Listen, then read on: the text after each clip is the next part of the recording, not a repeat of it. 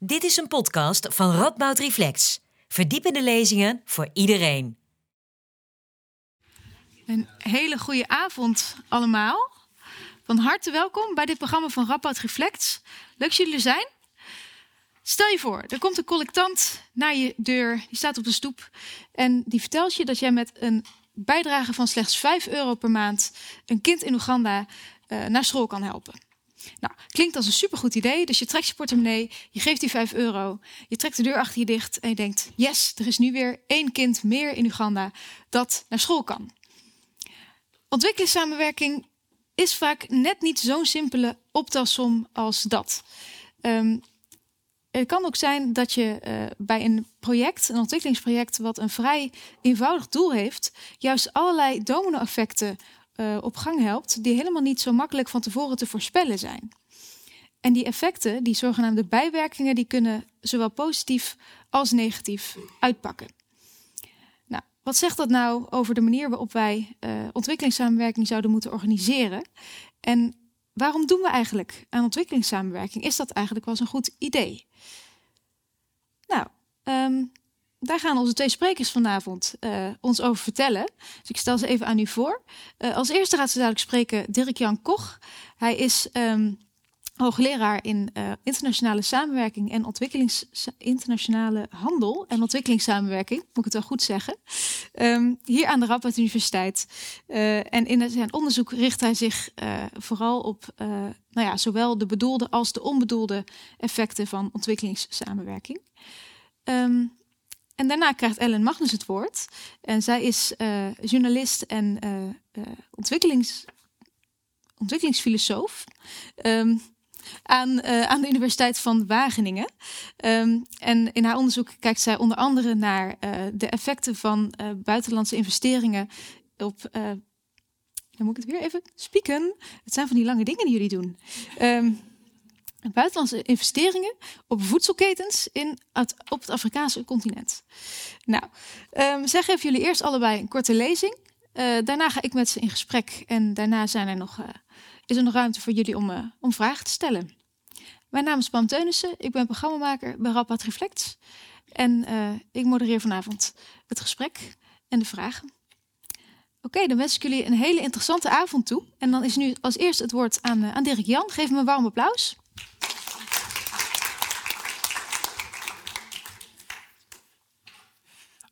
Oh, ik ben echt heel erg blij om hier te staan en, uh, en jullie te zien. Ik zie studenten, ik zie voormalige studenten, ik zie familieleden, oude vrienden en ook heel veel nieuwe gezichten. Dus uh, dankjewel dat ik uh, hier met jullie het gesprek mag aangaan. En uh, ja, we gaan het uh, hebben over ontwikkelingssamenwerking. En de reden dat ik hier sta is dat we uh, een paar maanden geleden heb dit boekje uitgegeven. Ehm, buitenlandse hulp en, en, de, en de bijwerkingen. En het boek heb ik geschreven op basis van een inspiratie die ik opdeed toen ik eigenlijk les gaf in ehm, de Democratische Republiek Congo. Um, even kijken, ik dacht dat ik gewoon zo, ja, kon drukken en dan gebeurt er wat. Ja, perfect.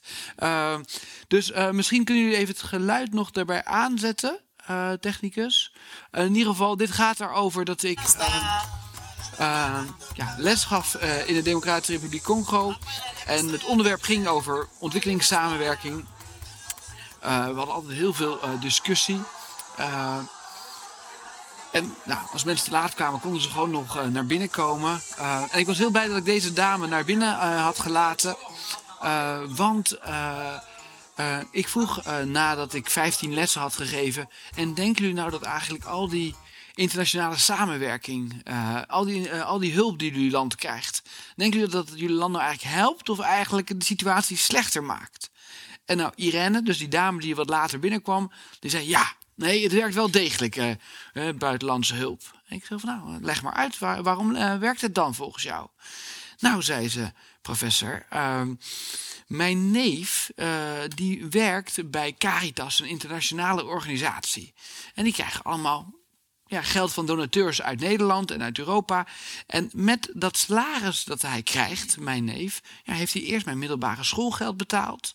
En vervolgens heeft hij nu mijn studie betaald. En ik heb al een baantje aangeboden gekregen. En die had ik echt nooit gekregen uh, zonder uh, dat ik deze studie had gedaan. Dus ja, dankzij die hulp van mijn neef, dus dankzij internationale samenwerking, ben ik nu waar ik nu ben. Toen dacht ik van, ah, dat is eigenlijk interessant. Want in geen van de plannen van Caritas, of geen van de rapporten, ja, werd dat gezegd als dat is het doel wat we wilden bereiken. En eigenlijk sindsdien ben ik me steeds meer gaan richten op al die bijwerkingen, die soms voor de mensen waar het om gaat, soms nog belangrijker zijn dan eigenlijk wat de plannen en de bedoelingen waren. Nou, waarom vind ik eigenlijk dat we ons allemaal veel meer daarop moeten gaan richten, op die bijwerkingen? Dat is uh, omdat het volgens mij af en toe best wel eens misgaat met die ontwikkelingshulp. En dan zijn we daar niet altijd even oprecht over. En als je dat wel doet, kan je volgens mij behoorlijk wat schade eigenlijk voorkomen aan individuen. Ik denk bijvoorbeeld aan de schandalen die er zijn geweest van hulpverleners die zich toch te buiten zijn gegaan. Hè, aan uh, seksuele uitspattingen in Haiti bijvoorbeeld. Nou, dat wisten organisaties al wel dat dat gebeurde, maar in plaats van dat echt aan te pakken, uh, ja, probeerden ze dat toch een beetje om de tapijt te vegen. Dus ik denk, als ze daar eerder open en eerlijk over geweest waren, dan waren er toch behoorlijk wat ja, meisjes die nu misbruikt zijn, uh, hadden niet dat lot ondergaan. Nou, een andere reden waarom ik hoop dat we hier meer aandacht aan besteden, is dat uh, ja, je ook kan stoppen met een bepaalde activiteit als toch blijkt dat de bijwerkingen groter zijn dan het beoogde resultaat. Uh, nou, misschien hebben jullie dat, uh, kennen jullie wel mensen in jullie familie die nadat ze een middelbare school hadden gedaan, ervoor kozen om uh, een jaar naar het buitenland te, te gaan om bijvoorbeeld in een weeshuis te werken. Nou, op zich ben ik eenmaal voor vrijwilligerswerk. Maar wat nu blijkt uit onderzoek is dat vaak die weeshuizen eigenlijk... Ja, dat zijn geen eens wezen die vaak daar zitten. Die zijn daar vaak geronseld. Uh, uh, de ouders die wisten helemaal niet dat ze hun kind zouden kwijtraken. Betekent niet dat je uh, niks moet doen met weeshuizen... maar dat je echt wel heel erg moet checken... Ja, is het wel een echt weeshuis en wordt er wel echt goede zorg geleverd? En zijn er geen andere opties voorhanden? En nu zie je dus dat de Nederlandse overheid een soort van campagne is gestart om mensen die heel graag uh, in weeshuizen werken, ja, te, te waarschuwen voor mogelijke bijwerkingen. Nou, het laatste, dat klinkt misschien een beetje technisch. Maar als je alleen maar kijkt uh, naar van wat zijn je beoogde resultaten. en dan gaat meten of je effectief bent. en hoeveel dat kost, of dat redelijk is. denk ik dat je eigenlijk uh, een soort van uh, ja, verkeerde ideeën hebt over wat efficiënt is. Dus ik denk dat je een veel eerlijker gesprek kan voeren over de effectiviteit van je hulp. als je eigenlijk alles meeneemt, niet alleen de geplande effecten. Nou, wat gaan we doen? Ik heb uh, 20 minuutjes de tijd gekregen. Uh, en uh, het goede nieuws voor jullie is dat jullie gaan bepalen waar ik het over ga hebben. Dus ik ga straks in een sneltreinvaart door tien mogelijke bijwerkingen heen. En dan mogen jullie stemmen, als het werkt, maar meestal werkt het, over waar jullie het over willen hebben. En dan ga ik, dan ga ik daarmee aan de slag. Um, en ik probeer oplossingsgericht te zijn. Uh, want ik ben uiteindelijk, dat was jouw vraag, uh, moeten we dan uh, maar stoppen met internationale samenwerking? Nou, dat denk ik niet. maar ik denk dat we wel een professionaliseringsslag moeten maken. Nou, laat ik het dan eventjes in die top 10 met jullie gaan doorlopen. en dan let vooral goed op, want straks moet je dus stemmen waar jij meer over wil weten. dus probeer je ook een beetje erbij te houden op deze donderdagavond. Het eerste, het klinkt misschien een beetje gek, maar er zijn dus best wel wat backlash-effecten. Dus mensen die eigenlijk in ontwikkelingslanden helemaal niet zo blij zijn met die internationale inmenging, zoals zij het zien. Uh, we zagen dat bijvoorbeeld bij de ebola-klinieken. Ja, behoorlijk wat ebola-klinieken met, door UNICEF en door eh, Nederlandse belastingbetalers betaald zijn. Ja, uh, met de grond toe gelijk gemaakt en afgebrand in West-Afrika. Ja, en ja, hoe kan dat? Want je, je zou toch denken van ja, ik, we komen toch iets goeds brengen. Maar ja, er blijkt toch best wel wat wantrouwen te zijn tegen de Westen. Dat ze denken van, ja, hoe kunnen we eigenlijk zeker zijn dat jullie die ebola weghalen? Of misschien zijn jullie wel degene die die ebola brengen. Want sinds jullie hier met je witte pakken rondlopen, zien we opeens veel meer mensen doodgaan aan ebola. Dus uh, ja, ze denken dan terug aan de koloniale tijd, waar er best wel wat medicijnen op hen getest werden, zonder dat het echt uh, ja, volgens de regeltjes ging. Dus ja, er is een soort van wantrouwen en dat heeft vaak wel een, een, een reden. Nou, als je daar meer over, meer over wil horen, dan kan je straks dus op deze backlash-effecten stemmen. Dan hebben we ook de conflicteffecten. Dat is dus als de hulp per ongeluk bijdraagt aan meer conflicten. Nou, het is een beetje een wreed plaatje, maar het is wel wat er gebeurt. Steeds meer internationale, maar met name nationale hulpverleners worden gekidnapt door rebellengroepen. Terwijl ze daar komen om hulp te brengen, is er toch een mogelijkheid voor die rebellengroepen om aan extra inkomsten te komen als, uh, ja, als het losgeld betaald moet worden. Als jullie denken van, hé, hey, nou daar wil ik wel meer over weten, kan je hiervoor stemmen. Ik denk dat jullie het inmiddels begrijpen. Nou, we kunnen het ook over migratie-effecten hebben. Natuurlijk steeds meer internationale samenwerking wordt gebruikt om te zorgen dat mensen niet naar Europa op een illegale wijze migreren. Het interessante is dat er uit onafhankelijk onderzoek blijkt dat eigenlijk soms die hulp voor eh, opvang in de regio, zoals dat heet, ook tot meer migratie kan leiden. Want die mensen die daar in die kampen zitten, die krijgen eh, een redelijk goede opleiding om loodgieter te worden bijvoorbeeld. Krijgen wat geld om een zaakje te starten. Maar dan denken zij van nou, met deze extra diploma, misschien moet ik het maar eens gaan proberen in Europa. Dus soms uh, werkt het precies andersom als wat je zou denken. Ja, de prijseffecten, dat is ook wel interessant. Een nieuwe trend in de ontwikkelingssamenwerking is dat je niet producten geeft, maar dat je cash geeft. Zo van dat mensen meer vrijheid hebben om zelf te kiezen wat ze willen. En dat heeft nou, echt veel goede positieve effecten. Dus ik zou zeggen, ga ermee door. Maar wat je ook ziet, is dat je als je alleen kijkt naar wat het betekent voor de mensen die het krijgen, dat je eigenlijk te positief bent. Want het kan een best wel negatieve effecten hebben voor de mensen die niet die cash uh, krijgen. Want voor hun kunnen de prijzen best wel gaan toenemen. Uh, uh, dus nou, iets waar je wel rekening mee moet houden. Nogmaals, soms denken mensen, oh, misschien moeten we helemaal mee stoppen. Nee, dat zeg ik niet, maar ik zeg wel, probeer er meer rekening mee te houden. Nou, als je meer wil horen over dat weeshuis, de problemen rond de weeshuizen, kan je voor marginalisatie-effecten stemmen. Nou, de gedragseffecten, dus ook een hele belangrijke, eigenlijk dat zien we steeds meer. Als we bijvoorbeeld kijken naar de microkredieten, dat is ook nou, iets waar jullie vast wel over gehoord hebben, ben ik ook een groot voorstander van. Zijn met name voor vrouwen op vrouwen gericht en je ziet dat het heel erg goed werkt op het economische terrein voor vrouwen. Als je kijkt naar de resultaten zie je echt bedrijvigheid gaat omhoog, inkomen gaat omhoog. Maar als je een bredere blik hebt en ook kijkt van nou, wat betekent het nou eigenlijk voor wat er in zo'n huishouden gebeurt, ja, dan zijn de effecten wel iets genuanceerder. Want dan zie je dat ja, sommige van die vrouwen echt te maken krijgen met extra uh, huiselijk geweld. Omdat die mannen het toch best wel lastig vinden. Ja, om het te verkroppen dat hun vrouw opeens veel meer te zeggen krijgt en een grotere broek aantrekt in het huishouden. Nou, dus daar kunnen we het ook over hebben. Uh, nou, de bestuurseffecten zijn ook een belangrijke. Dat hoor je natuurlijk vaak. Oh, met die ontwikkelingssamenwerking financieren we alleen maar corruptie. Hè, corrupte leiders in die landen. Uh, we moeten stoppen om een pinautomaat te zijn voor die uh, leiders.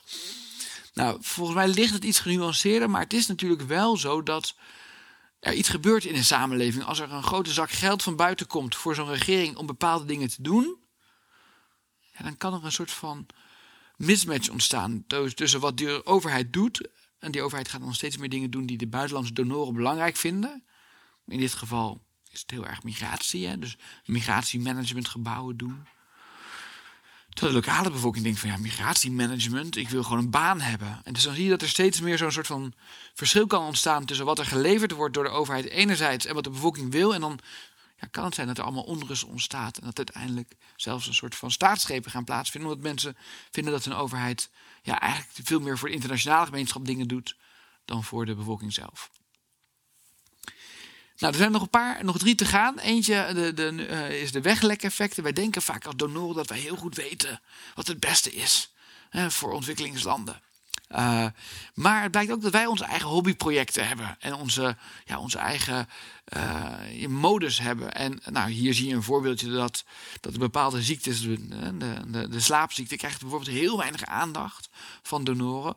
Nou, dat is niet alleen. Dat echt wel problematisch. Want dan zie je dus dat ziektes waar heel veel geld voor is. Daar gaan alle do lokale doktoren, verpleegkundigen gaan op dat thema werken. Waardoor het eigenlijk steeds lastiger wordt om goede doktoren op die meer onzichtbare ziektes te, te laten werken. Nou, de, deze begrijpen jullie denk ik wel. De milieueffecten. Je kan natuurlijk heel veel havens bouwen, wegen bouwen. En nou, dat is vaak heel goed voor de economische groei. Maar ja, wordt er wel genoeg rekening gehouden met de biodiversiteit en de, en de, en de CO2-effecten? Dat is uh, de vraag. Nou, om toch op een positieve noot te eindigen, en ik hoop ook dat jullie misschien op dit gaan stemmen. De positieve uh, effecten, de vliegwiel-effecten. Wat je vaak ziet, is dat zo'n externe interventie eigenlijk veel meer bereikt dan dat je oorspronkelijk denkt. Omdat mensen het gaan kopiëren wat er uit het buitenland komt. Dus die zien bijvoorbeeld hier wat boeren die een nieuwe methode hebben geleerd vanuit het buitenland.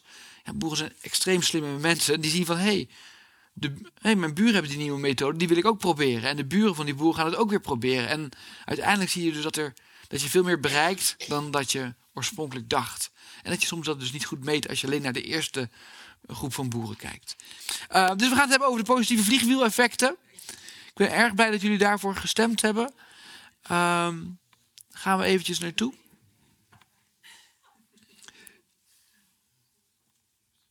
Nou, wat zijn nou die vliegwieleffecten?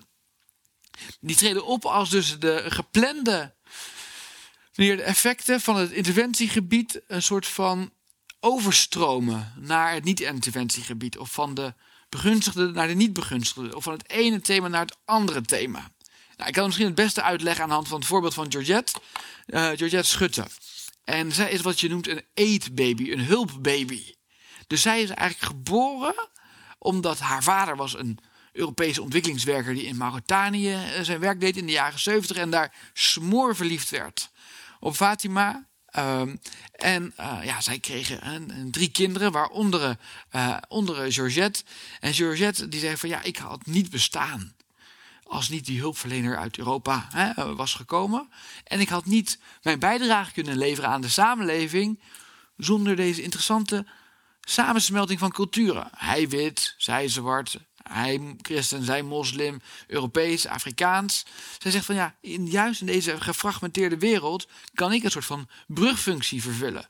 Dus zegt ze, ja, dat project van 40 jaar geleden van die kerk, want hij werd, was door de kerk uitgezonden, ja, dat bestaat al lang niet meer. Maar de langetermijneffecten zijn eigenlijk veel groter dan dat, ja, dat specifieke projectje wat er destijds gebeurde. En dat is natuurlijk wel bijzonder. Hè? Door die internationale samenwerking worden er honderdduizenden mensen over de hele wereld van gebied naar gebied uh, uh, uh, gedaan. En uiteindelijk zijn die persoonlijke relaties vaak nog veel langduriger en meer impactvol voor mijn gevoel dan de korte termijn projecten. Dus ja, ik vind het vooral belangrijk dat we altijd die, die menselijke factor eigenlijk heel erg meenemen bij onze effectberekeningen, om het zo maar te noemen. Dat zijn dus wat ik dan noem die menselijke interactie-effecten. Maar er zijn nog twee andere die ik ook wel belangrijk vind om met jullie te delen. Eentje zijn, is de thematische effecten. Dus uh, bijvoorbeeld, uh, wat we altijd deden, is uh, in de ontwikkelingssamenwerking, we gaven van die ontwormingspilletjes. En we dachten van, nou dat is goed, dan zijn de kinderen wat gezonder. En dan, nou, de doktoren gingen meten en nou, de kinderen waren inderdaad gezonder. Maar ja, uiteindelijk bleek ook dat die kinderen langer op school bleven. En dat ze hogere punten scoorden. Dat ze betere banen kregen later. Dat ze meer geld gingen verdienen. Dat hun kinderen weer gezonder waren. Zo interessant. Dus met één kleine gezondheidsinterventie zet je een hele keten in werking van langetermijn effecten. En daarom ja, probeer ik ook mensen altijd uit hun silo's te halen. Probeer dan niet alleen naar je eigen thema te kijken, maar probeer juist ook naar de bredere effecten te kijken. Nou, dan heb je nog een andere, en dat zijn meer echt de katalytische effecten, zoals we noemen.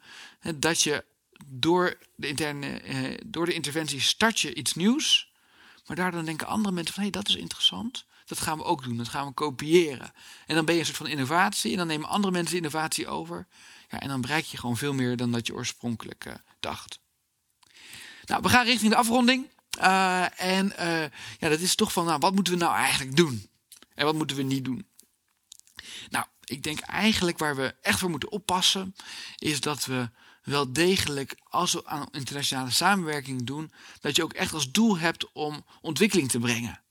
Helaas zien we dat we steeds vaker eh, ontwikkelingssamenwerking voor andere dingen willen gebruiken. Om terrorisme tegen te gaan of migratie tegen te gaan.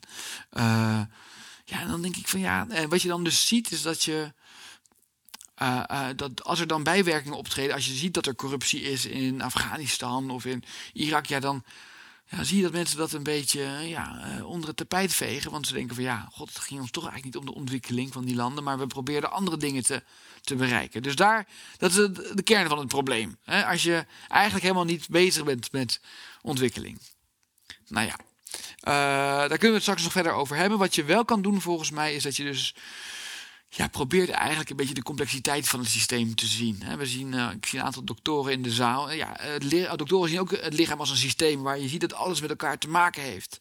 Terwijl vaak in ontwikkelingssamenwerking denken we toch nog wel een beetje heel erg ja, in kleine silootjes en zonder al die dwarsverbanden te zien. Ook zie ik dat we best wel wat grenzen hebben om te leren. Omdat we denken van, oh, dit, zo heb ik het altijd gedaan, zo zal het wel werken. Uh, veel ideologische barrières om te leren. Of soms organisaties die ook niet willen dat er geleerd wordt. Want die zijn dan bang van, ja, als ik nu toegeef dat het niet werkt, nou, dat is eigenlijk niet zo goed voor mijn reputatie. Dus ik denk van, ja, als je laat zien dat je leert, is het juist goed uh, voor je reputatie. Nou, wat is dus eigenlijk mijn voorstel? Mijn voorstel is dat we eigenlijk een soort van vlucht naar voren nemen. Dat we iets nederiger zijn over wat we bereiken. Dus niet zo heel erg de hele tijd claimen dat we met 5 euro zorgen dat een kind weer naar school gaat. Het is gewoon moeilijk hard te maken. En dan gaan mensen dat uitzoeken en dan blijkt het toch een stuk genuanceerder te liggen. Dus ik zou wel voor die nuance uh, gaan. Uh, ik denk wel dat we zoveel grote internationale problemen hebben. Of het nou over klimaat gaat of ongelijkheid. Ja, dat je wel echt door moet gaan met internationale solidariteit. Maar wel op een andere manier. Dus minder hier in Europa plannetjes bedenken over hoe het ergens anders geregeld moet worden. Maar meer, en dat wat nog best wel ja, koloniaal klinkt eigenlijk. Maar meer eentje ja, die klaar is voor de 21ste eeuw. Meer op basis van gelijkwaardige relaties. Meer rekening houden met bewijslasten en met uh, dat uh, complexiteitsdenken. Uh, en nou, daar wou ik voorlopig even bij laten. Dank jullie wel.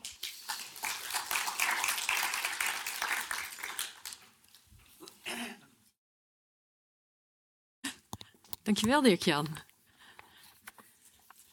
En dankjewel dat ik hier mag zijn. Heel erg leuk om een uh, klein beetje aan jouw boek te refereren, maar ook vooral een eigen verhaal te houden. En ik uh, kijk nu al uit naar de discussie die we naar de hand zullen hebben. Ik denk dat veel dingen wel in lijn zijn met.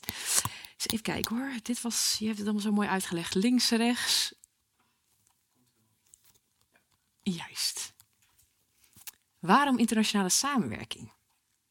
En ik begin eigenlijk met twee foto's. Misschien sommige mensen van jullie kennen ze misschien nog wel. Van iets meer dan 50 jaar geleden. En het is kort na de val van Salvador Allende, de socialistische president van eh, Chili.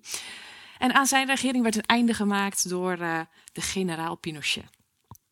En hier op het plaatje zie je, oh ja, ik kan het daar zien, linkse studenten die, uh, die vluchten de bergen in. En die werden door Nederlandse paters naar de Nederlandse ambassade gebracht.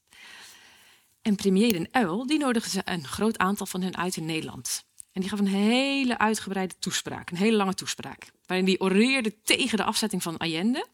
Maar ook voor het belang van het hooghouden van de socialistische waarden. En we moesten de slachtoffers een hart onder de riem steken. Solidair met ze zijn. Want we deelden hetzelfde ideaal. Een wereld waarin iedereen gelijk was. Dit zo? En dit is een plaatje van 50 jaar later. Nog geen maand geleden. De dag na de verkiezingen stond onze premier in spe in Katwijk. Ook hij ging slachtoffers een hart onder de riem steken. Maar dit keer waren die slachtoffers niet de vluchtelingen. Dit keer waren het mensen die manifesteerden tegen de komst van vluchtelingen. Ze hadden gelijk, vond die premier in spe. We werden overspoeld door gelukzoekers. Mensen die uit zijn om iets van ons af te pakken. Parasieten tegen wie we ons moeten beschermen.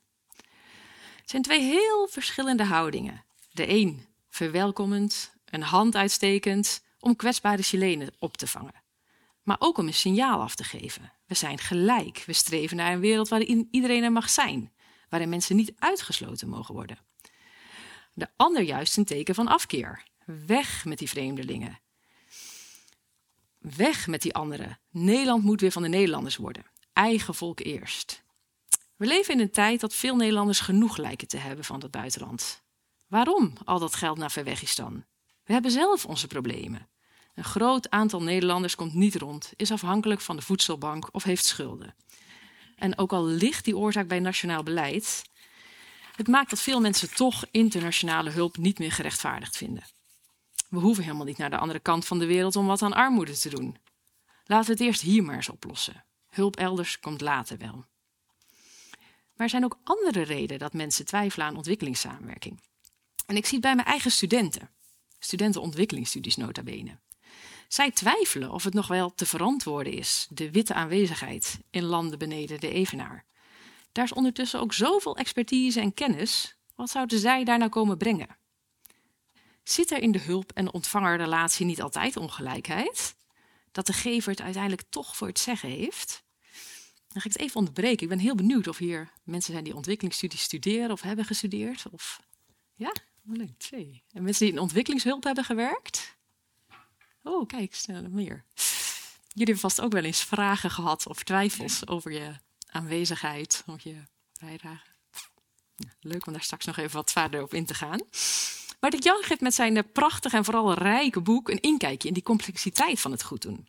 En dat blijkt lastig, zeker in contexten die niet de onze zijn. Je gaf al verschillende voorbeelden, Dirk-Jan, over inderdaad, ja, goed bedoelde humanitaire hulp die toch uiteindelijk uit in uh, misbruik. Nou, het helpen in weeshuizen, wat blijkt bij te dragen aan een weesjesindustrie. En ook al heb je gelukkig heel veel positieve voorbeelden. Het goed doen heeft dus ook wel onbedoelde effecten die soms zo schadelijk zijn dat we het goed doen te niet doen. Je geeft overtuigend adviezen over hoe we die missers kunnen voorkomen. Maar voor we die adviezen te harte nemen, wil ik toch even verder ingaan op die vraag van moeten we nog wel, moeten we het wel wagen? Moeten we het wel riskeren om missers te maken als ook hier zoveel noden zijn? En als het allemaal zo lastig is, waarom dan toch? Hebben wij nog wel het recht om ons te moeien met andermans zaken? En ik wil daar antwoord op geven aan de hand van een, uh, ja, eigenlijk mijn eigen zoektocht. Ongeveer 15 jaar geleden studeerde ik af in ontwikkelingssamenwerking uh, in Wageningen. En ik startte mijn carrière bij een coöperatie van boeren in uh, Nicaragua. Als adviseur agribusiness. Samen met twee jonge Nicaraguaanse medewerkers die ook bij die boerencoöperatie werkten. En wij zetten een agribusiness centrum op. Het was helemaal in de trend van die tijd. Toen moesten we van uh, trade, nou niet aid, maar trade. Alles had hem, ja, moest aan de hand van, uh, ja, met behulp van de markt. En wij deden er alles aan om die boeren te verbinden aan marktpartijen. Wij zouden zorgen dat ze de betere prijzen kregen voor hun bonen en hun koffie. Woordje moet. Oh ja, het woordje is weg. Oké, ik hoop. Hoorde. Wil je het wel kunnen volgen? Oké. Is dat beter? Oh, oorbel. Wel uitdoen? Ja, misschien wel. Hè? Ja, Tik, tik, tik. Oké, okay. dankjewel. Uh, dus onze ontwikkelingswerkers moesten zich vooral uh, inzetten om markttoegang te faciliteren. Dan konden ze boeren zo meer verdienen en uiteindelijk in hun inkomen voorzien. En gaandeweg kreeg ik vragen. Want die twee collega's van mij waren zo steengoed. Zij spraken de dialecten van de verschillende regio's. Zij uh, kenden nou, de dorpen op hun duimpje, reden motor, dat deed ik niet. En boeren respecteerden hen veel meer dan die witte vrouw die even in kwam vliegen. Maar ik had ook diepere vragen. Want is de markt eigenlijk wel de weg naar ontwikkeling? Moet alles maar gericht zijn op economische groei? Zijn we daar in Nederland nou zo blij van geworden? Uiteindelijk ging ik toch met een soort ontevreden gevoel weg daar.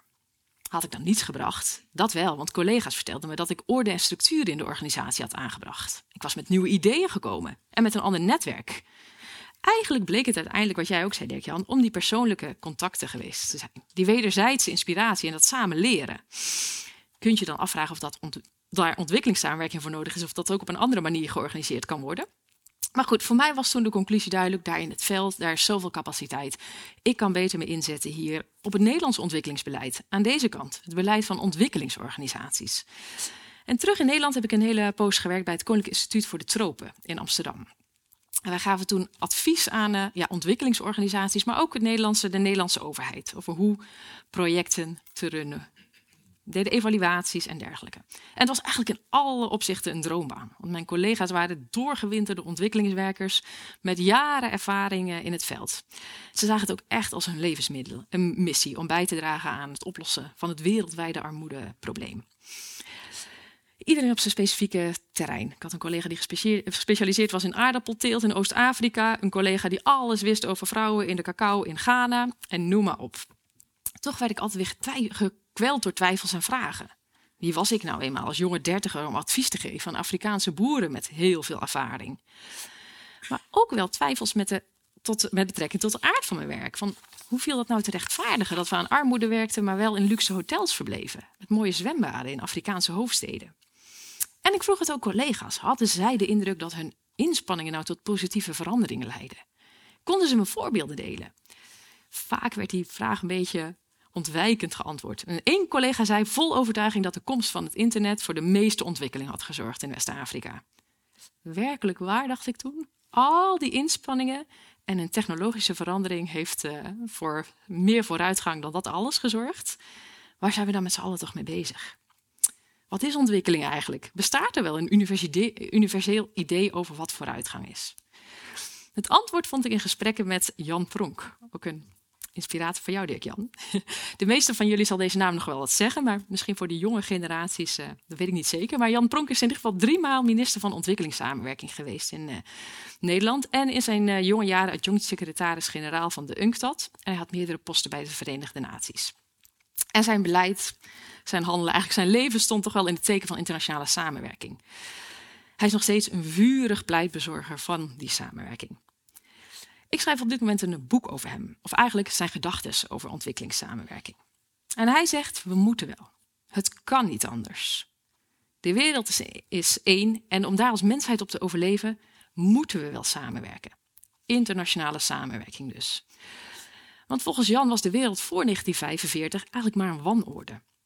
Waarin eigenlijk alle ruimte was voor de drang van de sterkste overleven. Die, dat kwam regelmatig opzetten met oorlogen tot gevolg, uh, exploitatie. Hij zegt, na de Tweede Wereldoorlog sloegen landen de handen in één. Dit willen we niet meer. Oorlog veroorzaakt te veel leed, schade aan de natuur. Er zijn te veel zaken waar wij elkaar voor nodig hebben. Wij moeten met z'n allen een systeem bedenken van regels, van normen en waarden en van afspraken om ervoor te zorgen dat dit niet nog een keer gebeurt. Voor Jan Pronk is het handvest van de, uh, voor de rechten van de mens heilig. Alle mensen hebben gelijke rechten en dat is het startpunt.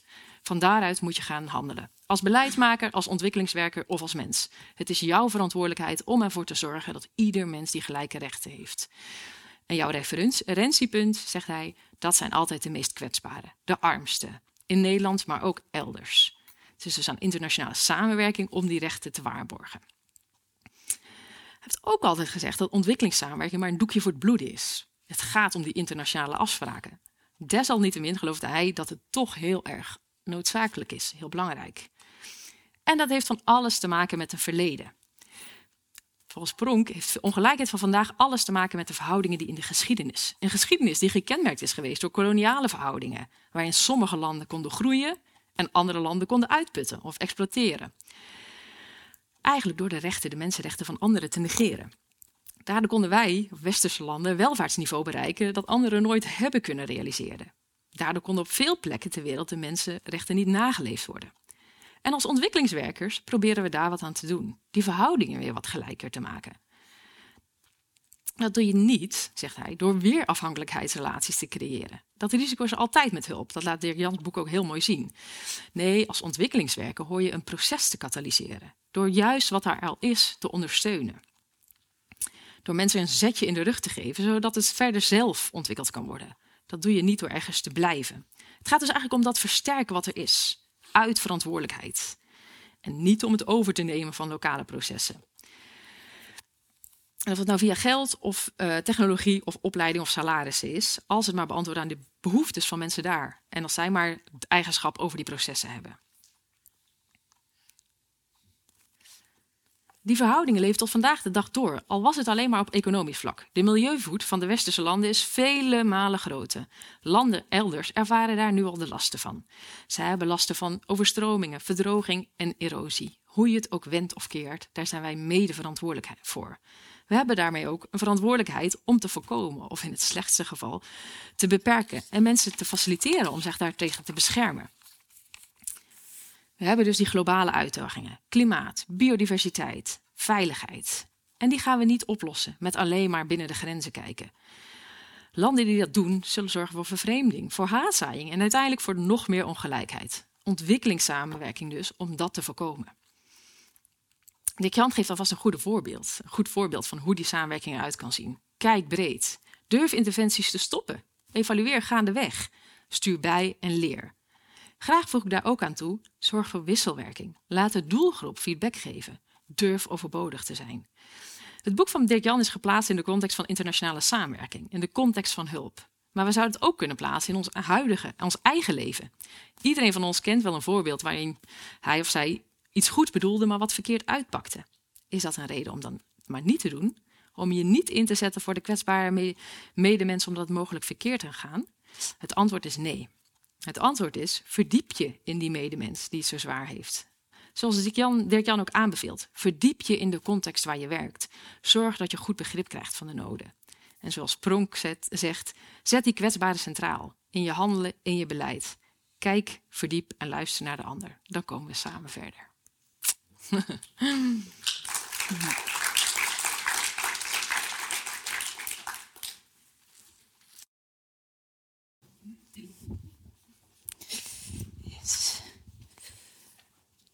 Dank jullie wel. Oh ja. Dank je. Zo, ik zal er bij jou eentje neerzetten. Nou, we zijn er bijna zonder kleerscheuren of nacht gekomen, behalve één oorbel. Ja, Dan eh, het moest het gelden. Maar eh, we gaan ons best doen om het verder zonder kleerscheuren te, af te maken. Je dank jullie wel voor, eh, ja, voor deze mooie inleiding in dit, in dit ingewikkelde thema. Want dat is wel wat ik eruit opmaak. Dat het aan alle kanten ingewikkeld is. Ehm, ik denk voordat we eh, echt in, eh, in, in de moeilijkere vragen duiken, misschien goed om even nog stil te staan bij eh, de terminologie waar we het eigenlijk over hebben. Ehm, want wat, wat, ik steeds, wat mij steeds opviel, is dat jullie het woord ontwikkelingssamenwerking en het woord ontwikkelingshulp eigenlijk een beetje door elkaar gebruiken. En ik vroeg me af wanneer ontwikkelingssamenwerking, wat er nou de grenzen van zijn. Dus wanneer gaat het nou over in iets anders, bijvoorbeeld noodhulp? Wat verstaan we precies onder die ontwikkelingssamenwerking? Ja, ik dacht eigenlijk dat het een soort historische ontwikkeling was. Maar ik ben benieuwd, eh eh Dirk Jan, ik, ik denk dat het vroeger altijd ontwikkelingshulp genoemd werd. En voor mijn, in mijn beleving is, spreken we de laatste jaar toch eigenlijk vooral over samenwerking. Maar Ja. noodhulp is misschien weer een andere.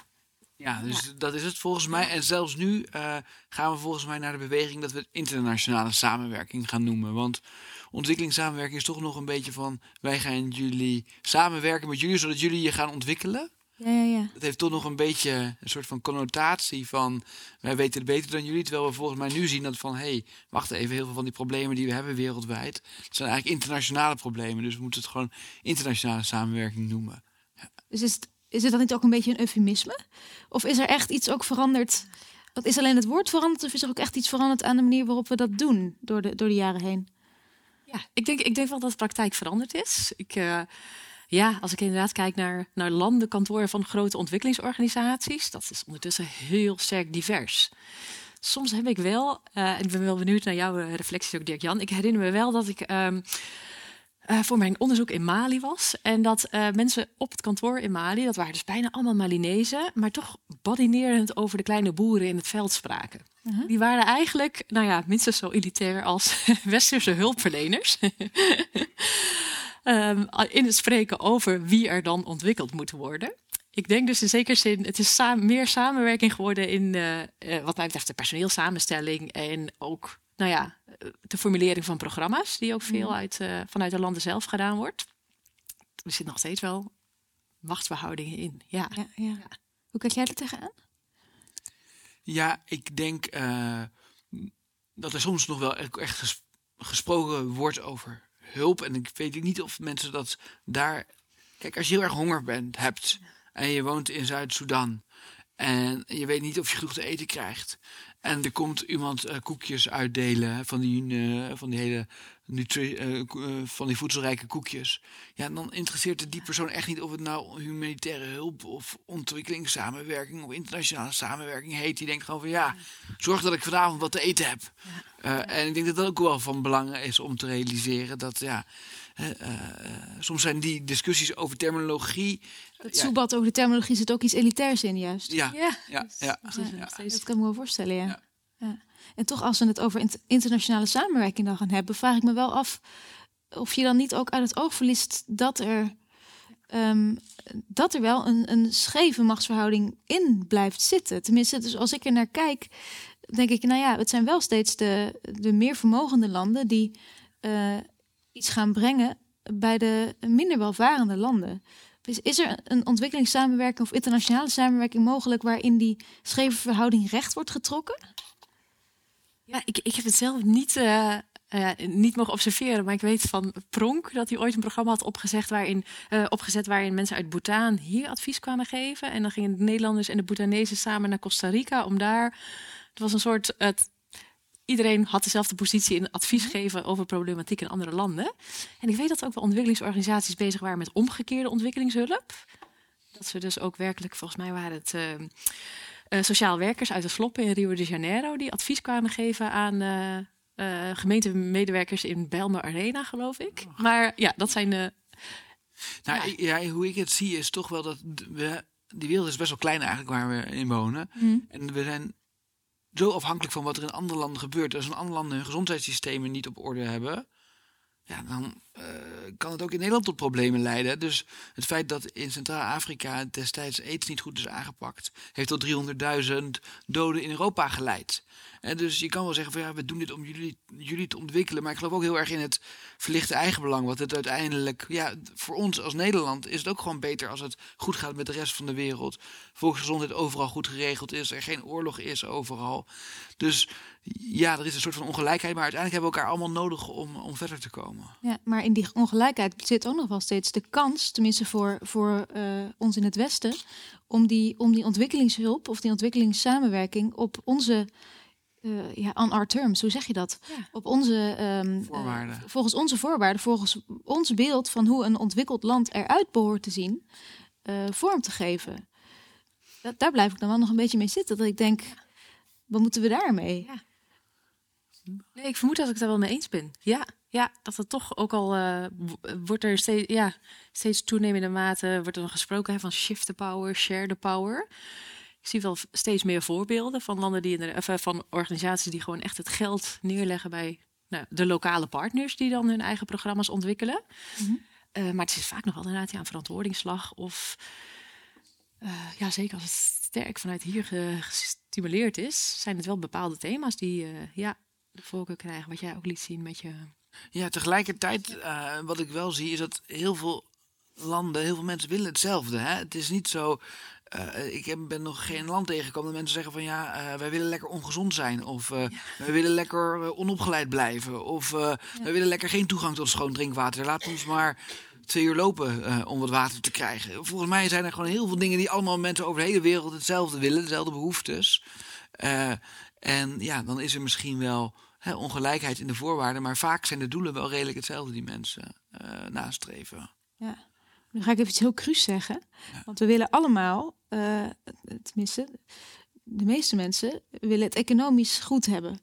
En dat is heel legitiem.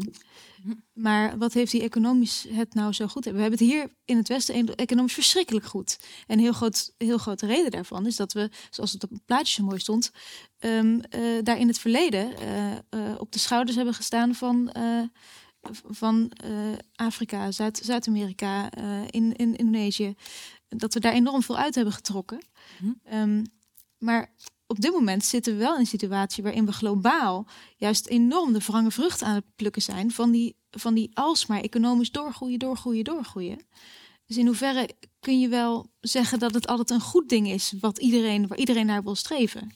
Zeg maar, want nou ja, aan de andere kant kun je zeggen dat de, die landen waar we zo heel veel uit hebben getrokken ook nu het recht hebben om net zo hard te groeien als wij. Maar kunnen we ons dat veroorloven? Ja, goede vraag. Nee, nee, inderdaad. Dat, uh, ik, ik, ik, probeer na te denken van als je inderdaad uh, de rechten van de mens of natuur centraal zet, zou je dan op een ander groeimodel kunnen komen. Maar zoals het nu gaat, maak ik me grote zorgen. Als iedereen inderdaad ja, de auto en de mobiele telefoon najaagt of graag op vliegvakanties wil. Nee, dat is dat niet een goed model van ontwikkeling. Ja, nee. ja, ik ben dus wel van mening veranderd daarover eigenlijk tijdens het schrijven van dit boek. Want ik had dus een meeleesclub. Oh, okay. Uh, een meeleesclub die met. Waar zat je eerst? Wat voor ik zat eerst met van jongens, dat kan de wereld toch niet hebben als uh, al die uh, Indiërs en al die Afrikanen ook een auto hebben en vooral niet te veel vliegvelden meer bouwen met ontwikkelingsgeld in die landen. En in mijn, ik had dus een meeleesgroep die uit het zuiden kwam, zoals je dat dan de Global South kwam. En die vonden het zo asociaal wat ik zei. Ja, nee, vind ik ook. Die zei van, hallo, ja. jij, jullie, jij vliegt de hele wereld over. Uh, jij uh, uh, hebt lekker makkelijk praten en nu zeg jij van... jongens, nee, je moet niet meer zoveel vervuilen. Ja. Terwijl wij helemaal niks hebben gedaan. Zij zeiden van, nee, het is een verdelingsvraagstuk. Jullie moeten wat minder extreem gaan doen. Ja. En wij graag wat meer. Wij willen ook de wereld ontdekken. Wij willen ook met gemak kunnen reizen. Dus ja, Dirk Jan. Dus dat heb ik echt moeten aanpassen, dat hoofdstuk in het boek. Waar ik uiteindelijk zeg van ja, jongens. Maar jij denkt dus inderdaad hier minder, zodat elders meer ja, in ieder geval gewoon die, die, die, top. Hè. Dus we hebben nu, de, dat vond ik wel interessant, het laatste rapport dat laat zien dat de top 5% of zo van mensen 50% van de uitstoot doet. Nou, dan kan je, Ja. als je, dan, als je dat een beetje naar beneden brengt, dan kunnen in Tjaad en in eh Centraal-Afrikaanse Republiek kunnen mensen ook een airco aanzetten. Ja. Maar wie gaat ons daaraan houden? Dat wij hier wat minder wat, wat gaan inleveren? Want daar zitten we weer met die scheve machtsverhouding. Ja. Gaan wij dat, bepa- gaan wij dat eh, voor onszelf bepalen? Dat wij minder gaan doen? Limitara, limitarisme, of hoe heet het ook alweer? Li- eh, Limitarisme? Ja. Limitarisme, ja. Volgens mij is het professor Ingrid Robijns die dat voorstelt. Dat er echt een grens komt aan eh, ja, het maximum inkomen wat je mag hebben. Ja, om inderdaad te voorkomen dat eh, ja, de superrijke privéjets hebben. En, eh, ja, of dat gaat helpen inderdaad, ja. Maar goed, we hebben toch afspraken op Europees niveau. Een Green Deal en een... eh, Ja, of, of we er daarmee komen? Ik hoop ook straks dat de zaal ons een beetje kan helpen, want dit is inderdaad een heel erg lastig dilemma. Daar komen we zo hoor. Dat komt helemaal goed. Ja, help ons uit de brand hier. Ja. ja. En, en hoe zit het met ehm, de, de, de, de afhankelijkheid van, eh, van ontwikkelingslanden eh, van Europese of van eh, westerse landen? Want ik geloof dat er in een paar weken terug stond er in de NRC, dacht ik, ehm, een artikel van een, journalist die juist zei. Als je stopt met die, met die ontwikkelingssamenwerking, dan maak je landen juist weer afhankelijker. Omdat ze juist weer minder goed op hun eigen benen kunnen staan. Maar aan de andere kant zie ik ook weer mensen die zeggen: juist die samenwerking maakt landen afhankelijk. Want eh, je, je, gaat, je, gaat morren in, je gaat morrelen aan systemen waar, die heel complex zijn in die landen. ehm, waardoor je uiteindelijk die landen zelf afhankelijk maakt van jouw steun. Dus Ja. waar, sta jij in die, in die paradox? Maar worden we nou afhankelijker? Maken we landen nou afhankelijker of niet? Nou, het goede nieuws is eigenlijk hè, dat steeds minder landen echt afhankelijk zijn van internationale hulp of samenwerking. Je ziet dat veel landen eigenlijk ja, het steeds beter mee gaat. Je had hier Chili, liet jij zien 50 jaar geleden. Nou, dat eh, land is nu rijker dan Portugal. Eh, je hebt eh, ja, veel landen in Azië waar het natuurlijk goed mee gaat. Hè, dus, eh, en Bangladesh bijvoorbeeld ook. En dat is ook mede dankzij ontwikkelingssamenwerking tot stand gekomen. Hè. Dus je kan zien dat landen in het begin best wel afhankelijk zijn van hulp, maar dan daarna het steeds beter gaan doen. Er zijn echt successtories van. Je ziet nog wel een paar landen waar ik denk van ja, dat is eigenlijk... kun je een voorbeeld geven daarvan? Nou, wat je bijvoorbeeld in Bangladesh dus heel erg ziet, hè, is dat door internationale samenwerking zijn eh, meisjes veel langer op school gebleven. Die meisjes bleven langer op, eh, op school, kregen zelf weer wat minder kinderen, want ze langer op school bleven. De internationale gemeenschap heeft heel veel gedaan om te zorgen dat er veel voorbehoedsmiddelen beschikbaar waren. Ehm, nou, met minder kinderen, die werden weer iets gezonder. Eh, kregen betere opleiding, eh, kregen meer inkomen. Dus daar zie je echt dat die vliegwiel-effecten waar ik het over had, dat zie je echt in, in Bangladesh. En dan zie je dat in het begin was meer dan de helft van hun inkomen kwam van hulp af, 40 jaar geleden. En nu is dat nog maar 5%. En dus er zijn echt goede voorbeelden. Moet de overheid wel een beetje meewerken. Dat, dat helpt wel. En daar zie je dus hè, dat het misgaat. Als de, echt In welke zin? In het financieren of in, in het... nou, en niet het geld achterover drukken en, en oorlogjes onder Oh, de, over, de overheid daar. Ja, de overheid ja. daar. Ja, ja die, die, die kunnen het wel eh, maken of breken, zeg maar, de land. En je ziet dat die afhankelijkheid met name heel erg hoog blijft in landen waar de regeringen zelf er een beetje een potje van maken. Hmm. En eh, ja, dan is het gewoon heel lastig om uit die, uit die cyclus van armoede te komen. Ja. Want in, in hoeverre, als als je het dan hebben over regeringen, in hoeverre is eh, ontwikkelingssamenwerking bijvoorbeeld tussen de regering van een westers land en een regering van een land waar er heel veel corruptie is? Mhm. Ehm, in hoeverre is ontwikkelingssamenwerking niet ook een beetje een speelbal van internationale politiek?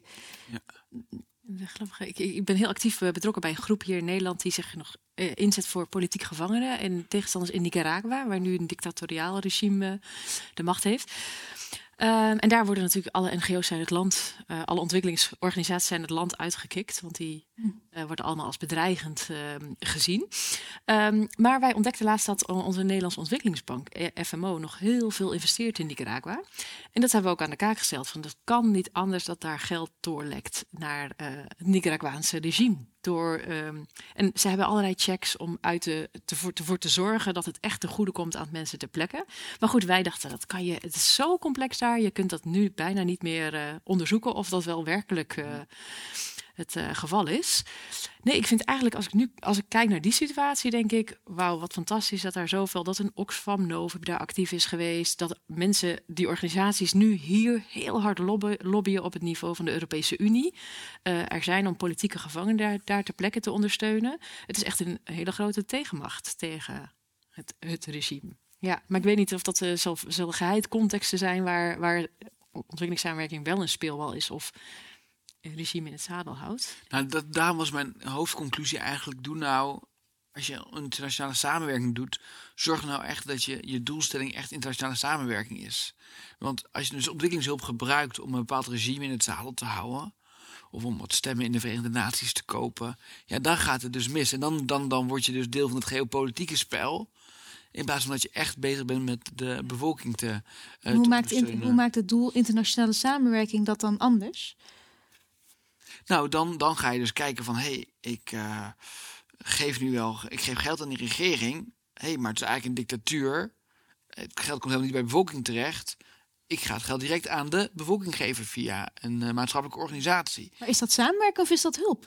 Want samenwerking impliceert voor mij een, een uh, weet het, een, een wederkerige relatie. Een relatie waarbij de een geeft en de ander ook geeft. Uh, waarbij er ook een soort uh, gelijkwaardigheid ontstaat doordat je elkaar nodig hebt. Oh, vandaar jouw vraag over die hulp versus samenwerking. Precies, vandaar dat nee, bij dus, mij zit er steeds kijk, dus daar een verwarring. Nee, voor mij is samenwerking dus gewoon, uh, wij willen iets bereiken, zij willen iets bereiken, we willen vaak hetzelfde bereiken, dus we gaan samenwerken om dat doel te bereiken. En het feit dat het geld, het geld van ons komt, ja, oké, maar zij zetten al hun energie en hun tijd in, dus ja, dus ben je aan het samenwerken. Ah ja, op die manier, ja. Ja. ja. En um, heet het? Uh, hebben jullie wel eens um, de gedachte gehad tijdens je werk? Jullie hebben allebei uh, in heel veel internationale contexten gewerkt. Uh, van, nou ja, misschien moeten we er maar mee stoppen. Hebben jullie dat ooit een keer gedacht? Ja, ik zie jou meteen knikken. Ja zeker, ja, zeker wel. Maar toch ook altijd wel weer genoeg reden gevonden om wel door te gaan. Ik heb wel vaak ervaren dat het dan vooral op die persoonlijke uitwisseling kwam. En dat ik me inderdaad regelmatig afvroeg van het is zo complex. Je, nou ja, het is al lastig om in je eigen buurt in te zien waarom uh, waar inderdaad de problematiek in zit. Om echt die wortels aan te pakken. En dan in een andere context die je niet goed kent. En toch uh, is juist ja, de buitenstaander met andere ideeën. Die met een frisse blik naar de situatie kijkt. Zo, zo behulpzaam. Ja, dus ik zie. Ik, iedere keer ben ik toch weer bevestigd van de relevantie van wel, uh, van wel het internationale samenwerken. Ja. ja. Nou, bij mij hangt het heel erg af van welk type activiteit en handeling. Ik moet vaak denken aan de doktoren. Dat komt omdat mijn halve familie dokter is volgens mij. Maar ja, je, uh, af en toe gaan er dingen mis. Heb je bijwerkingen. Maar als uh, ja, de kwaal daarmee wel opgelost wordt en de kwaal is levensbedreigend, ja, dan ga je het toch wel doen. Uh, dus het hangt een beetje af van uh, ja, hoe groot het risico is dat het helemaal misgaat als je niks doet. Eigenlijk. Ja, ja. En dan kan het wel zo zijn dat blijkt dat een bepaalde manier van opereren die je hebt gebruikt eigenlijk niet werkt. Ja, als je het goed onderzoekt en dat je dan met die bepaalde manier van werken stopt. Maar jij gaat ook niet zeggen van ja, er gaat zoveel mis in het ziekenhuis, laten we maar stoppen met, uh, met ziekenhuizen. Nee, dan ga je kijken van nou, hoe kunnen we dan in die ziekenhuizen bepaalde dingen even wat verbeteren. Ja. Zo zie ik het meer. Wat, wat zou er eigenlijk gebeuren als we gewoon morgen zouden besluiten, weet je, we stoppen er helemaal mee. We, halen gewoon, we gaan helemaal geen ontwikkelingssamenwerking meer doen. Wat zou er dan concreet gebeuren? Ja, veel internationale netwerken gaan verloren. Ik denk ook een stuk uitwisseling. Um, en heel veel programma's. Ja, dat denk ik wel, zou echt wel dramatisch zijn. Ja, heel ja, veel. We, ja, we hebben daar wel voorbeelden van. Dus toen bij de Rutte 1, dus het eerste kabinet Rutte is opeens best wel veel bezuinigd hè, met het gedoogde kabinet Wilders. Dus dan weten we een beetje wat er nu straks uh, ja. kan gaan gebeuren. Mm. Uh, en uh, toen is het dus redelijk radicaal in uh, Tanzania gestopt met de gezondheidssector. En de inspectiedienst heeft uitgerekend dat het wel tot 13.000 extra doden heeft geleid. Hoe, hoe, hoe werkt ja, we hoe stopten met vaccinaties. Zo gewoon Nederland stopte met vaccinatieprogramma's financieren. Had niet geregeld dat andere landen dat gingen overnemen. Nee. Ja, en dan gaan er mensen dood als ze niet gevaccineerd worden. Ja, ik, ik kan het mooier proberen te maken, maar ja, dat is het niet. Dus ja, dan gaan er extra mensen dood. Ja, en, en de programma's waar jij het over had, wat voor soort programma's zouden dat zijn? Die... Ja, er zijn nu nou, ook bijvoorbeeld in landen als Bangladesh heel veel klimaatadaptatieprogramma's uh, die jarenlang lopen. Ja, als dat ja, een soort kapitaalvernietiging, kennisvernietiging. Ja, mm -hmm. internationale netwerken. Ja. dan, dan klinkt het ook wel heel precair. Uh, ontwikkelingssamenwerking. Als, nou ja, het, um, ik merkte in de zaal dat het meteen leefde. Dat, uh, dat nou ja, we misschien wel kijken naar een, naar een uh, toekomstige regering in Nederland. Waarbij ontwikkelingssamenwerking, nou ja, laten we zeggen, niet heel hoog op de, op de agenda staat. Um, om het even eufemistisch uit te drukken. Um, als, als, een, als, als een regering in Nederland uh, voor zoveel drama kan zorgen binnen de wereld van ontwikkelingssamenwerking, zijn daar niet, kunnen we dat niet robuuster. Organiseren? Of het klinkt wel heel alsof het zomaar kapot kan vallen. Ik denk dat nou, de, de financiering is over de jaren wel diverser geworden. Met nou, niet altijd een goede, maar veel meer filantropische financiers. Dus het is de vraag of als inderdaad de Nederlandse overheid zich terugtrekt, of het hele, de hele sector in duigen valt. Maar ja, dat is eigenlijk een goede vraag. Wat, wat zijn voor de mogelijkheden om, daar, om dat robuuster te maken? Ja, meer. Ja, ik denk dus dat we, en daarom ben ik ook blij dat jullie er hier zijn. En ik weet dat meerdere van jullie ook echt wel actief zijn zelf. Ik denk dat we eigenlijk ook wel breder dan alleen de overheid moeten gaan kijken. Want hoe verhoudt zich dat nu, uh, de financiering van overheid en bijvoorbeeld particulieren of filantropen? Hoe, hoe zit dat een beetje globaal? Ik in aantallen en percentages niet weten eigenlijk. Nee, dus in Nederland is het best wel veel via de overheid. Hè. Dus het Amerikaanse systeem is eigenlijk heel anders. Hè. Daar, daar gaat bijna alles via die grote instellingen van, die, eh, van uh, Bill Gates met zijn foundation en, uh, en HP met zijn foundation. Ja, het is een, ik denk dat we een beetje die kant op gaan. Of je daar wil of niet. Maar dat zie je dus omdat dus ja, de burgers zeggen van nou laten we het maar niet via de belastingen doen. Klaarblijkelijk, hè, want iedereen stemt toch mm. voor partijen die tegen ontwikkelingssamenwerkingsfinanciering door de overheid zijn. Maar van de andere zie je wel dat heel veel mensen willen helpen met particuliere initiatieven. Ik zeg van nou, laten we daar dan maar mee verder gaan. Laten we daar dan mee op inzetten. Want dan, ja, dan, dan ben je iets uh, stabieler in ieder geval. Ja. Ben, ben je daardoor stabieler? Want als ik denk dan aan, nou ja, laten we zeggen, een een Bill Gates, dat kan ook zo, maar een, een Elon Musk zijn, die dan gewoon een keer met zijn verkeerde been op bed stapt en denkt, weet je wat, ik ga, ik ga een raket bouwen in plaats van uh, een vaccinatie. Een vaccinatie uh, ja, Ik weet niet of dat gedaan heeft, maar um, ik, ik, ik, ik vraag me af of dat het nou robuuster maakt. Nee, nee. Nee, dan, en dan heb je inderdaad ja, private gelden die kunnen bepalen waar ja. welke. Nee, dus eigenlijk, uh, nee, ik wil een beetje inderdaad, ik ben, ben nul weer overtuigd door jou. Inderdaad, oh, sorry. Nee, in de ideale wereld zou je dus willen dat het een publieke, internationaal publieke zaak is. Hè? En dat er gewoon een soort van ja, er wordt het ook gewoon vastgelegd van dat ieder land zoveel bijdraagt. Hè? Want dus de, bijvoorbeeld voor die klimaatfinanciering, ja, we hebben zoveel uitgestoten. En dan vind ik dat je ook een verantwoordelijkheid hebt. Hè? Dat, je dat, uh, dat je daaraan bijdraagt. En niet dat het vrijwillig is. Maar ja, realisme is dus wel dat het maar een minderheid in Nederland is die dat zo ziet eigenlijk. Ja. ja. ja. Oh, sorry, ik dacht je even, ik dacht je zou zeggen. Nee, um, ik wilde nog even teruggaan naar. Uh, ik, ga, ik ga over uh, een paar minuutjes ga ik naar jullie toe.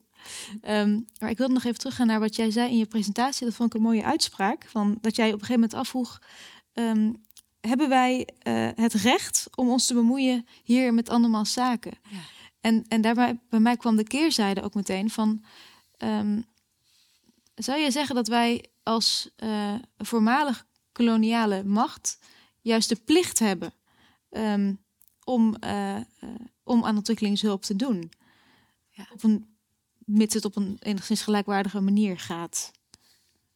Ja, ja, vind ik wel. Ja, ja, dat is inderdaad ook een beetje ja, uh, het uh, antwoord van uh, Jan Pronk. Mm. inderdaad, als voormalige koloniale macht, maar ook als grotere uitstoter. Ja, zou ik inderdaad denken, we hebben een verantwoordelijkheid om inderdaad misschien dat verleden goed te maken of de huidige schade die we toelichten. Ja. Mm -hmm. ja. Zou jij je daarbij aansluiten? Ja, maar ja, en wat ik dus zie is dat we daarmee dus niet genoeg uh, Nederlanders binnenboord halen. Dus uh, daarom dat ik ook toch altijd wel een beetje probeer die link met dat verlichte eigenbelang probeer te maken. Want dan denk ik 20 of 25 procent die zegt van ja inderdaad, we moeten gewoon arme mensen helpen. Ongeacht of het nou goed is voor ons. of we hebben schuldgevoelens hebben ze. Maar ja, daarmee zie je dus dat het hele terrein afbrokkelt. Dus daarom probeerde ik ook een beetje te laten zien van ja, uiteindelijk is het ook goed voor Nederland als het goed gaat met de rest van de wereld en voor de volksgezondheid. Dus ik denk ja, plichten, maar laten we ook vooral die, ja. die link maken met het bredere Nederlandse publiek, waardoor Nederland zegt van ja, laten we het inderdaad maar doen. En want, want hoeveel eigen belang zou er moeten zitten in, uh, in ontwikkelingssamenwerking? Hoeveel daarvan heb je nodig voordat het een beetje problematisch begint te worden. Ja, dus dat is het. Je moet het altijd wel in de gaten houden. Eh, dus, dus dat eigen belang wordt het uiteindelijk zo groot dat je dus eh, eh, ja, met contraproductieve dingen eh, te maken gaat krijgen. En dat zie je natuurlijk ook als je weer de parallel maakt met die medische sector. Dat ja, als het te veel voor het eigen belang van de doktoren gaat, dan kan het ook tot een overbehandelingen leiden. Hè? Dus je moet altijd wel oppassen dat het niet doorslaat. Maar ik denk wel dat je naar win-win situaties op zoek moet. Dat is mijn laatste vraag voordat we naar de zaal gaan.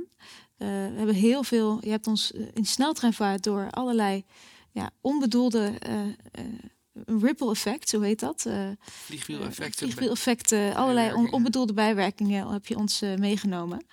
Ehm, als je de, de, de gevolgen van je handelen zo slecht kunt voorspellen, moet je dan überhaupt het wel willen doen? Wat zegt dat over wat goed handelen is? Misschien een beetje filosofische vraag. Nou, eh, nou, we zitten bij Radboud Reflex, hè, dus dat kan. Ja, maar dat mag. misschien wil jij beginnen, of niet? Ja, altijd beginnen en maar gewoon eh, eh, voortdurend daarop blijven ja, sturen, monitoren van is dit goed? En daarbij zet je dus die, die ander, diegene die ja, misschien kwetsbaarder is, die een andere situatie wenst, die zet je centraal. En diens ja, wensen moeten eigenlijk leidend zijn. denk ik. Ja. Mhm. Dat zie je natuurlijk nu ook in, in Nederland. Ik weet- Ja, ik weet niet of jullie hem kennen, die Tim Jongers van de We Are The Beckman Stichting, die zo opkomt voor, we hebben zoveel eh, zorg en armenzorg in Nederland, maar het slaat gewoon niet aan bij nou ja, de belevingswereld en de problemen waar mensen in schulden of in armoede echt mee zitten. Ik denk als je die eh, centraal zet en je komt samen tot een plan in ja, voortdurend eigenlijk evalueren. Inderdaad, die complexiteit zien, maar wel Eigenlijk. eh, Ja, en het klinkt misschien een beetje vaag, maar het woord wat ze, wat ze gebruiken is dat je adaptief bent. Hè, dus dat je wel begint met een bepaald idee van, nou, ik ga deze interventie doen, maar dat je de hele tijd blijft checken van, hé, hey, moet ik niet eventjes toch mijn ding gaan aanpassen, mijn werkwijze? En, en dat is wat het vaak misgaat, dat we hier in het westen, noorden dingen bedenken over hoe het ergens anders moet worden uitgevoerd. En dan gaat die machine in werking. En dan is er dus geen feedback loop meer van, hé, hey, maar wat gebeurt nou eigenlijk en hoe werkt het uit? Ja. Dus daar denk ik wel van, je moet veel adaptiever zijn in hoe je het, hoe je het aanpakt. Hoe zou dat er concreet uitzien? Dat je gewoon echt ter plekke, boots on the ground, met mensen gaat praten van hé, hey, wat heb je hier nou eigenlijk aan? Ja, en dus ook veel meer eh, eh, eh, lokale onderzoekers laten leiden. Nu zie je dat er nog vaak een beetje van die consultants uit Europa even ingevlogen worden voor een weekje. En die krijgen allemaal sociaal, sociaal-menselijke antwoorden dat het perfect werkt. Eh, terwijl er eigenlijk veel meer onder, eh, ja, onderhuids aan het gebeuren is. Dus ja, als je het hebt over veel meer gelijkwaardige partnerschappen, moet je juist ook al gebruik maken van al die lokale universiteiten die er zijn. Je zag het filmpje van Congo. Het zijn gewoon hele slimme studenten en eh, onderzoekers. Ja, eh, laat hen vooral ook dat onderzoek doen en hen ons de waarheid vertellen zonder dat ze bang hoeven te zijn dat ze meteen hun geld kwijtraken. Want dan krijg je nog weer allemaal van die sociaal-wenselijke antwoorden. Maar kan dat? Als je, maar ik bedoel, ik bedoel even specifiek. Kun je, eh, als je bijvoorbeeld deel bent van een grote hulporganisatie, zoals een Oxfam Novib, Ja. is dat een organisatie die, die flexibel genoeg is om ook echt in te spelen op die feedback die er dan voortdurend terugkomt? Of zit daar toch heel erg veel eh, nou ja, vast? Ik, ja, misschien kan ik mijn eigen voorbeeld geven. En dat is dat ik, ik werk zelf ook voor het ministerie van Buitenlandse Zaken. Maar die stellen mij wel ter beschikking om dit onderzoek te doen. Dus er is echt wel zelfkritisch vermogen Mhm. binnen die sector. Maar dat moet wel, eh, ja, ruimte voor. Mensen moeten daar wel ruimte voor krijgen. En is, is die er voldoende al? Of? Nou, dat is wel iets wat bevochten moet worden. Ja. Nou, heel erg bedankt en een hele fijne avond nog. En nog een dank voor de sprekers.